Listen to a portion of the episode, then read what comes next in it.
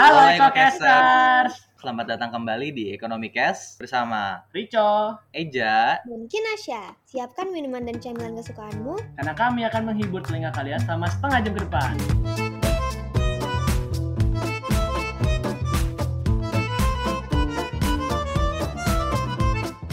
Halo Ekocasters. Halo. Ekokasters. Wah, masih sama tidak sinkron seperti minggu kemarin. Ya udah oke nggak apa-apa. Halo Ekocasters. Nah, hari ini kita sudah episode keberapa sih kita? Tiga ya? Tiga. Benar tiga. Nggak kerasa ya ada tiga minggu aja nemenin kalian. Lah iya. Eh, buat Ekocasters, kita kita ingin menyapa kalian nih karena ternyata setelah tiga episode ini kita lupa untuk menyapa kalian.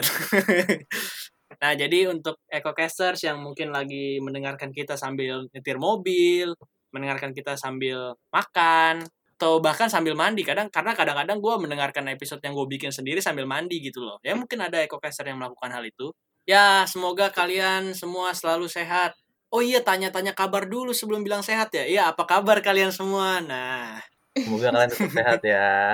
Di tengah pandemi yang kayak gini kan. Kalau keluar-keluar tetap ikuti protokol kesehatannya. Anjay. ya gitu deh. Ikuti protokol kesehatan, pakai masker, jangan membuang sampah sembarangan, makan sayur, dan minum air yang banyak. Oke, anyway. Nah, kita hari ini bakal ngomongin sesuatu yang menurut gue lumayan meresahkan sih, karena eh, manusia-manusia di zaman ini ya, dewasa ini tuh kadang-kadang udah mulai kehilangan apa ya, kemampuan yang sebenarnya penting banget untuk punya gitu loh. Sebenarnya bukan kehilangan sih, kayak lupa aja caranya mungkin ya. Yaitu adalah kemampuan untuk mendengarkan. Nah, di sini hari ini kita bertiga bakal ngomongin ya gimana sih sebenarnya cara mendengarkan. Gua gua akan memberikan kalian sebuah contoh percakapan yang sering terjadi di era dewasa ini dan percakapan yang sebenarnya anjing tuh gue kesel kayak gini. Nah, coba silakan Eja sebagai pakar gimmick kita boleh. Ayo, bisa kasih contoh, kasih contoh. Jadi gini nih, gue capek banget deh. Minggu ini tuh kayak penuh banget. Rapat, kuliah, tugas, banyak banget. dah. Bener-bener capek banget gak sih? Capek banget gue. Hmm, lu capek. Iyalah capek. Lu tuh cuman rapat doang dah, cuman rapat, kuliah gitu-gitu doang Tugas, capek lu. Lu iya. masih mending. Lu masih mending tau gak? Gue tuh kemarin udah capek rapat, gue disuruh kerja, gue disuruh nguli bapak gue, no. Buset, lu gak tau aja lu. Baru begitu doang udah ngeluh lu. Begitu Ecocasters jadi adalah sebuah contoh percakapan yang jangan kalian lakukan. Karena itu sangat menyebalkan. Menyebalkan sekali itu semuanya. Orang-orang kayak Rico tadi itu ada loh namanya yaitu conversational narcissist. Conversational narcissist ini tuh dibahas oleh Charles Derber, seorang eh, profesor sosiologi kalau nggak salah. Nah, Pak Derber ini nulis buku yang judulnya The Pursuit of Attention, yang di dalamnya dia tuh nulis bahwa orang-orang conversationalist itu eh, sering berkompetisi buat dapat perhatian, buat dapat atensi. Jadi jatuhnya orang-orang caper, orang-orang kayak gini tuh. Nah, terus di bukunya Eric Fromm yang judulnya The Art of Being, dia tuh nulis bahwa narsisisme adalah orientasi di mana semua minat dan passion seseorang itu diarahkan ke dirinya sendiri. Jadi orang-orang yang self-centered lah istilahnya. Bagi orang yang kayak gini tuh, hanya dia dan apa yang menjadi perhatiannya yang benar-benar nyata, yang eh, istilahnya dia adalah dunia. Hmm, Buat yang di luar itu nggak penting ya. Hmm, dia adalah dunia. Enggak, gue gue tuh kadang-kadang suka bingungnya kayak ya gue ngerti sih kayak manusia tuh adalah makhluk yang kompetitif dan semua semuanya bisa dijadiin kompetisi. Cuman menurut gue ini hal yang bodoh aja gitu loh kayak ngapain derita dijadikan kompetisi gitu. Kayak lu ngadu nasib tuh lu berasa keren kali kalau ngadu nasib. Oke, anyway, gue pun sering melakukan hal kayak gitu. Nah ini ya sebenarnya kalau gue melakukan hal itu ya Pengakuan dosa. pengakuan ya ya kita mengaku dong. Nah itu bisa bisa jadi juga sebenarnya niat gua tuh buat bikin orang apa ya biar dia bersyukur bahwa bukan dia doang satu-satunya yang merasa merasa kesulitan atau menderita gitu loh. Atau juga gue tuh sebenarnya nggak sadar membuat dia merasa gue tuh apa self centered karena gue bilang lu mah masih mending gini-gini segala macam nah sering kali kan jadinya jatuhnya orang-orang malah persepsiin kalau gue tuh lagi sombong padahal sebenarnya niat gue enggak nah ini niatnya bener. dari yang apa gue baca mungkin mungkin orang-orang seperti itu dan saya itu mungkin IQ-nya kurang gitu loh IQ itu apa sih sebenarnya IQ tuh jadi emotional qu- quotient atau emotional intelligence lah. Nah, ini adalah kemampuan seseorang untuk mengerti, menggunakan dan memanage emosinya sendiri dalam hal yang positif untuk melepas stres, melakukan komunikasi secara efektif, eh, empati kepada orang lain, dan hal-hal lainnya yang intinya hubungan dengan orang lain. Ya mungkin karena itu jadinya apa yang ingin gue sampaikan yaitu ayolah kamu bersyukur jadinya seperti lu mah masih mending gitu loh jadi caranya salah karena kekurangan EQ gue untuk berempati kepada orang lain Bener sih, bener banget. Kadang orang yang EQ-nya mungkin uh, kurang baik gitu ya. Biasanya tuh ngelakuin-ngelakuin kesalahan kayak gitu. Nah, selain ngomong lu mah masih mending, banyak juga tahu kadang tuh uh, orang-orang yang kurang baik dalam mendengarkan. Nah, contohnya tuh biasanya yang gue tahu ya, itu kayak orang itu day, yang daydreaming sambil ngedengerin orang atau ngawang-ngawang gitu loh, atau dia sambil mikirin yang lain. Misalkan kayak gue nih lagi cerita sama si A. Nah, pas gue selama cerita, si A tuh diem doang. Awalnya gue kira dia ngedengerin, terus lama-lama dia ngomong, hah, gitu kayak ujung-ujungnya sebel gak sih kayak nih orang kok nggak ngedengerin. Terus pas gue tanya, lu kenapa kok nggak ngedengerin gue? Eh iya sorry tadi gue nggak fokus, gue sambil mikirin tugas. Nah berarti kan dia nggak nggak listening dengan baik kan terhadap uh, apa yang gue ceritakan itu salah satu common mistake juga. Nah terus juga Taunya dia sange ada gitu kan lagi bodoh. Nggak lu lagi lagi cerita dia nggak dengerin taunya dia lagi sange mikirin yang lain gitu kan bisa Iya, nggak taunya dia sambil buka HP, buka yang enggak-enggak gitu kan. Ah, Astagfirullah. Istighfar, nah istighfar. Astagfirullah Terus nih selanjutnya tuh yang biasa common mistake selanjutnya tuh yang gue tahu tuh adalah di saat seseorang sedang berbicara, lawan mainnya ini eh, gini gini. Gue kasih contoh, misalkan gue lagi lagi lagi ngobrol sama si A nih. Nah gue lagi menceritakan tentang kehidupan gue saat dua hari yang lalu. Nah gue belum selesai ngomong, si A ini langsung ngomong lagi, ngomong yang sa- yang selanjutnya gitu loh. Jadi kayak dia tuh bukannya nggak dengerin gue secara completely, secara nggak nggak apa yang gue omongin secara penuh, tapi dia tuh cuma mau ngomongin apa yang pengen disampaikan doang gitu. Jadi kayak dia ngomong tentang A, terus pengen lanjut lagi tentang B tanpa memperhatikan konteks apa yang gue gua bicarain ke dia gitu. Jadi yang selanjutnya adalah judging. Nah orang-orang yang ngejudging ini biasanya udah punya punya prejudis gitu sama lawan bicaranya kayak misalkan eh, gua itu IP 4 itu misalkan ya misalkan gua aminin Amin. dulu dah. terus lawan bicara kayak gua gue cerita tentang tentang stres sama tugas. Terus temen gue ini tuh ngeprejudis gua kayak ah lu mah IP 4 bla bla. Jadi kayak dia tuh udah ngejudging gua duluan padahal ya even IP 4 juga kalau misalkan dia stres ya tetap stres nggak sih? Kan nggak no, no matter no matter apa yang dia lakukan atau apa pun yang dia punya, ya orang bisa tetap aja bisa stres gitu kan. Jadi kayak dia tuh udah ngejudge duluan.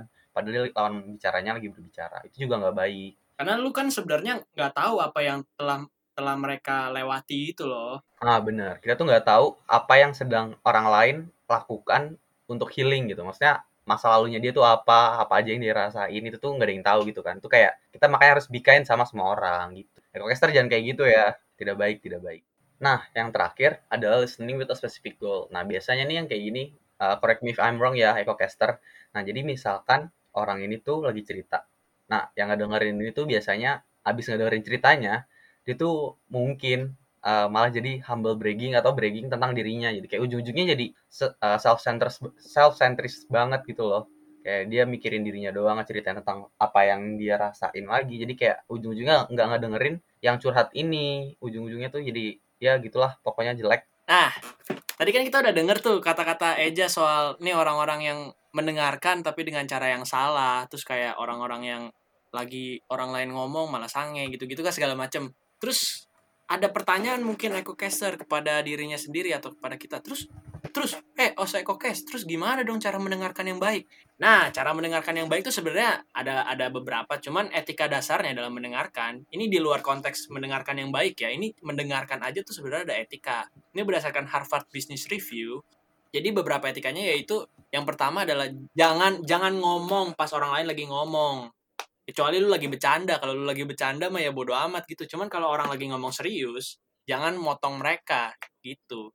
Misalkan bos lu ngomong, lu motong buset. Yang benar-benar aja lu gitu loh. Maksudnya terus membiarkan lawan bicara lu tuh, tuh tahu kalau lu tuh masih interested dengan percakapan kalian gitu kayak dengan dengan apa ekspresi wajah atau lu kadang-kadang mungkin kayak hmm oh iya gitu-gitu segala macam jadi lu tuh masih memberikan interest lu kepada percakapan itu. Iya mungkin ngangguk gitu kan. Nah tapi jangan sering-sering juga kayak hmm, hmm, hmm, hmm, ya gitu ya. Lu aneh jadinya gitu kan. Kayak apaan sih? Jangan sering-sering cuman lakukan lakukan seperlunya aja gitu. Terus yang ngasih kode terakhir nggak sih biar bahwa gue masih masih dalam conversation ini? Iya ngasih kode. Jadi lawan bicara lu tahu lu tuh masih interested dalam pembicaraan itu. Nah yang terakhir ini sebenarnya mungkin eh, rada rada jarang digunakan ya. Cuman ini penting juga nih kayak misalnya eh, orang lain tuh ngomong terus mereka tuh pengen tahu kalau lu tuh masih dengerin gak sih? Kayak yang ketiga ini adalah bisa mengulangi apa yang orang lainnya itu ngomongin gitu. Jadi kayak misalkan eh lu dengerin gak sih gue ngomong? Iya lu tadi ngomongin soal ini ini ini ini, ini gitu kan.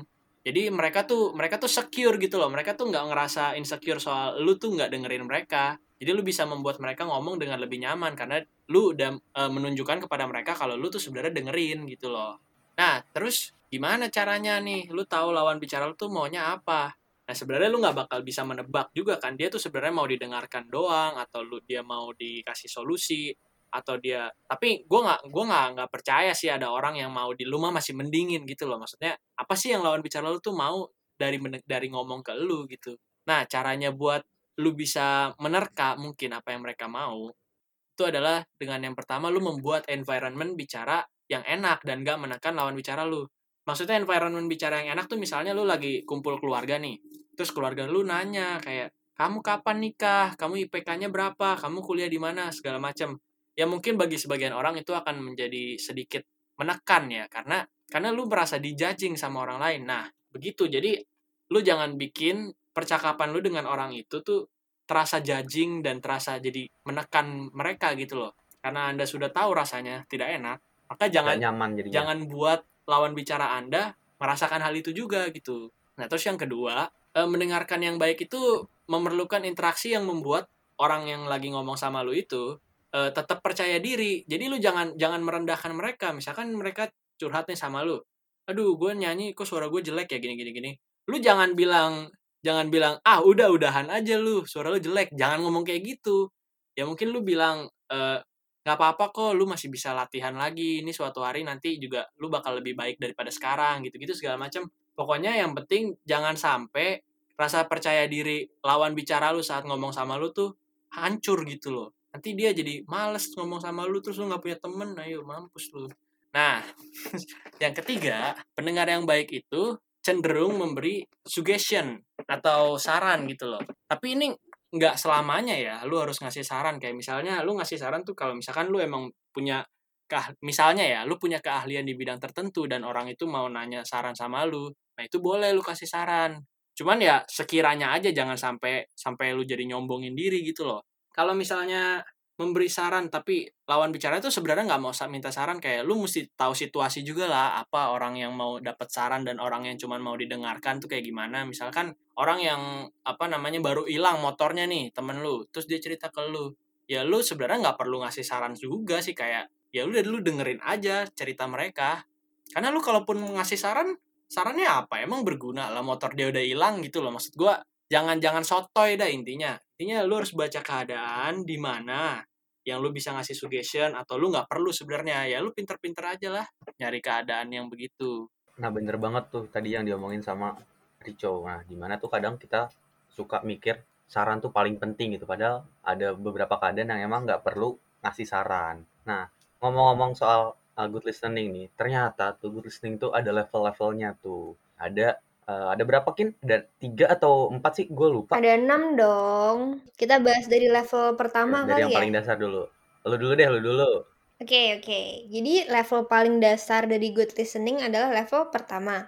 Itu tuh eh, level di mana si pendengar bisa menciptakan lingkungan yang eh, nyaman dan aman gitu buat orangnya bercerita. Karena dengan menciptakan lingkungan yang aman, orang kan bisa lebih terbuka ya, terus lebih nyaman, terus nggak ngerasa dijudge atau nggak ngerasa eh, disudutkan gitu. Jadi itu adalah eh, kriteria level pertama dari good listening. Terus yang kedua apa tuh, Ja?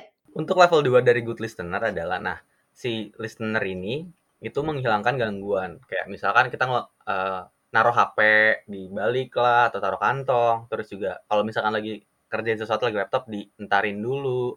Intinya adalah kita tuh fokus atau memusatkan perhatian kita sama yang lagi cerita sama kita. Dan terus ada kontak mata yang sesuai gitu. Jadi ada interaksi di mana gue keeping up nih sama apa yang lo omongin gitu.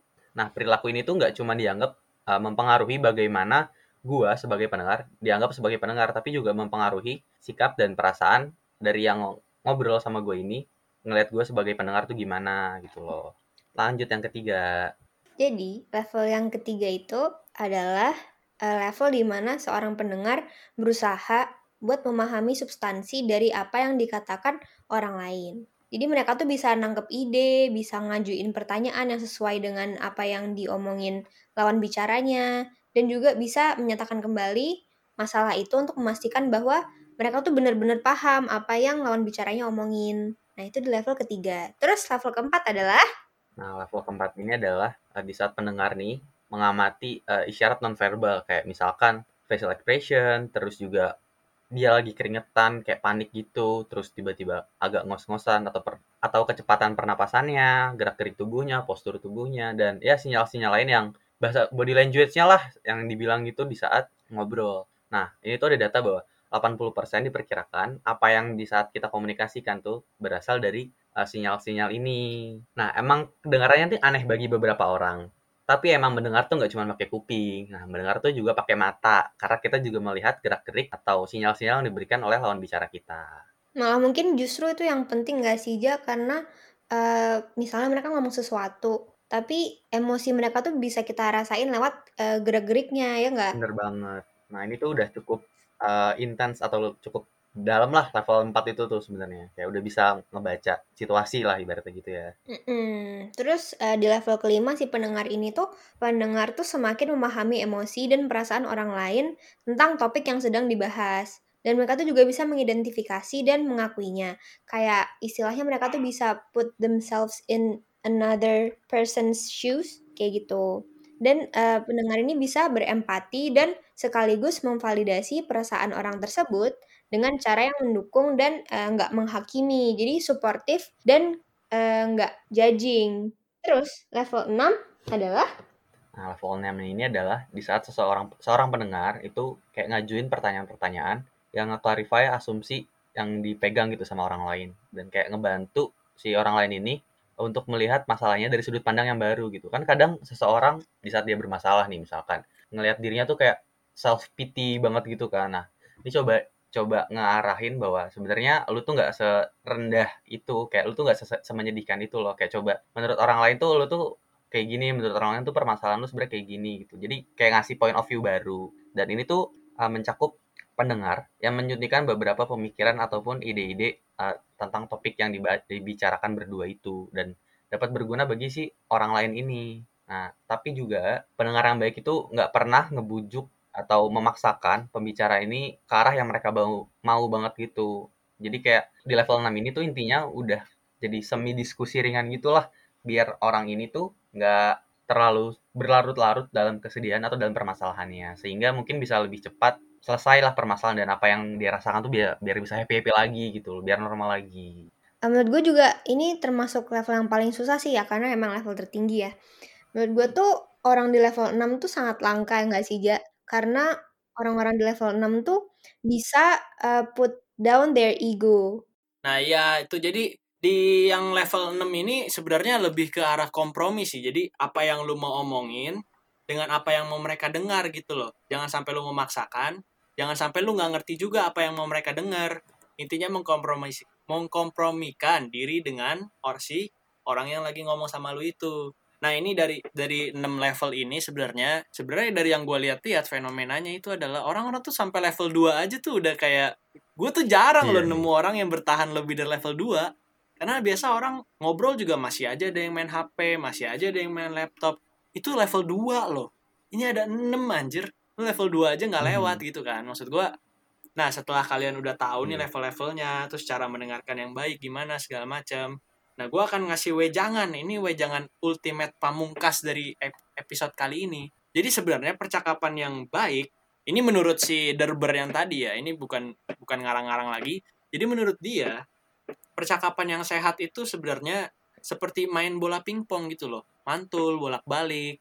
Nggak cuman satu doang lempar bola nggak cuman satu doang nepis bola tapi bolak-balik gitu loh. Terus apa iramanya tuh tetap tegas iramanya nggak nggak nggak beda-beda segala macem. Nah yang paling penting dari suatu per- percakapan itu adalah mindset bahwa percakapan itu seharusnya kooperatif bukan kompetitif gitu loh. Kalau ada orang yang menganggap percakapan sebagai kompetisi untuk mendapatkan perhatian yaitu biasanya bukan orang yang bisa mendengarkan dengan baik gitu loh. Nah, jadi kalian itu setelah mendengarkan ini diharapkan untuk bisa menjadi seorang pendengar yang baik. Anda kalau lagi ngomong atau misalkan lagi mendengarkan orang lain itu tatap lawan bicaranya, tapi jangan ditatap terus ya ntar creepy juga. Terus kamu tuh juga harus punya punya empati gitu loh. Apa sih sebenarnya yang mereka rasakan gitu. Terus kalau kita dalam percakapan juga jangan sampai ada prasangka seperti yang tadi diomongin sebelumnya soal prejudis. Kayak misalnya kita ngomong sama orang yang kita nggak suka nih, atau orang yang namanya bau bet lo kalau misalkan diajak ngobrol sama dia pasti sebenarnya males kan cuman ya jangan sampai hal itu membuat lu jadi pendengar yang buruk gitu loh karena orang orang itu ngomong sama lu tuh berarti lu harus punya mindset bahwa orang itu kalau ngomong sama lu berarti ada sesuatu yang penting untuk dia sampaikan jadi jangan sampai prejudis lu soal kalau dia tuh orang yang ngeselin dan lain-lain itu jadi mengaburkan pesan yang ingin dia sampaikan gitu loh Nah. Mungkin lu dianggap penting sama dia kan, makanya dia mau cerita sama lu. Betul. Jadi Anda jangan sampai prejudis itu merusak apa silaturahmi gitu loh. Nah, sebenarnya dari kesimpulannya, kesimpulannya tadi udah kesimpulan gak sih? Ya udah guys, jadi Nggak itu apa-apa. kesimpulannya. Emang deh, gue liat-liat EcoCast sekarang udah jadi channel edukasi nih. Kemarin edukasi keluarga. Sekarang edukasi cara berbicara. Uset dah. Kita school of life gak sih? Jadi kayak salah satu website yang Anyway, intinya ya semoga kita semua menjadi lebih teredukasi, lebih tercerahkan, menjadi manusia yang lebih baik. Asik. Ya, ya mungkin kita di episode-episode berikutnya akan lebih banyak berantem lagi kali ya kalau misalkan emang kalian lebih suka itu. Atau kalian lebih suka diedukasi oleh kami yang kurang edukasi juga, ya tidak apa-apa. Nanti kita akan membuat episode-episode selanjutnya lebih seru lah, semoga. kalau kalian ada ide ataupun yang pengen dibahas bisa banget nih rap ataupun ngob uh, mention di BO Instagram BOE ataupun di Twitter BOE bisa banget kita mungkin akan mempertimbangkan tema-tema yang mungkin kalian suka gitu atau yang kalian pengen bahas gitu kalau kita udah nemuin bahan dan sumber yang valid Karena kita ngomong selalu menggunakan sumber dan sumbernya kredibel. Kita tidak pernah asal ngomong. Jadi ya kita sudah sampai di penghujung kita sudah sampai di penghujung acara. Terima kasih sudah mendengarkan EcoCaster. Semoga kalian selalu sehat selalu dan menjadi manusia yang bisa mendengarkan lebih baik lagi. Kami host EcoCast undur diri. Sampai jumpa di episode selanjutnya. Dadah. Bye-bye. dadah jangan lupa pakai masker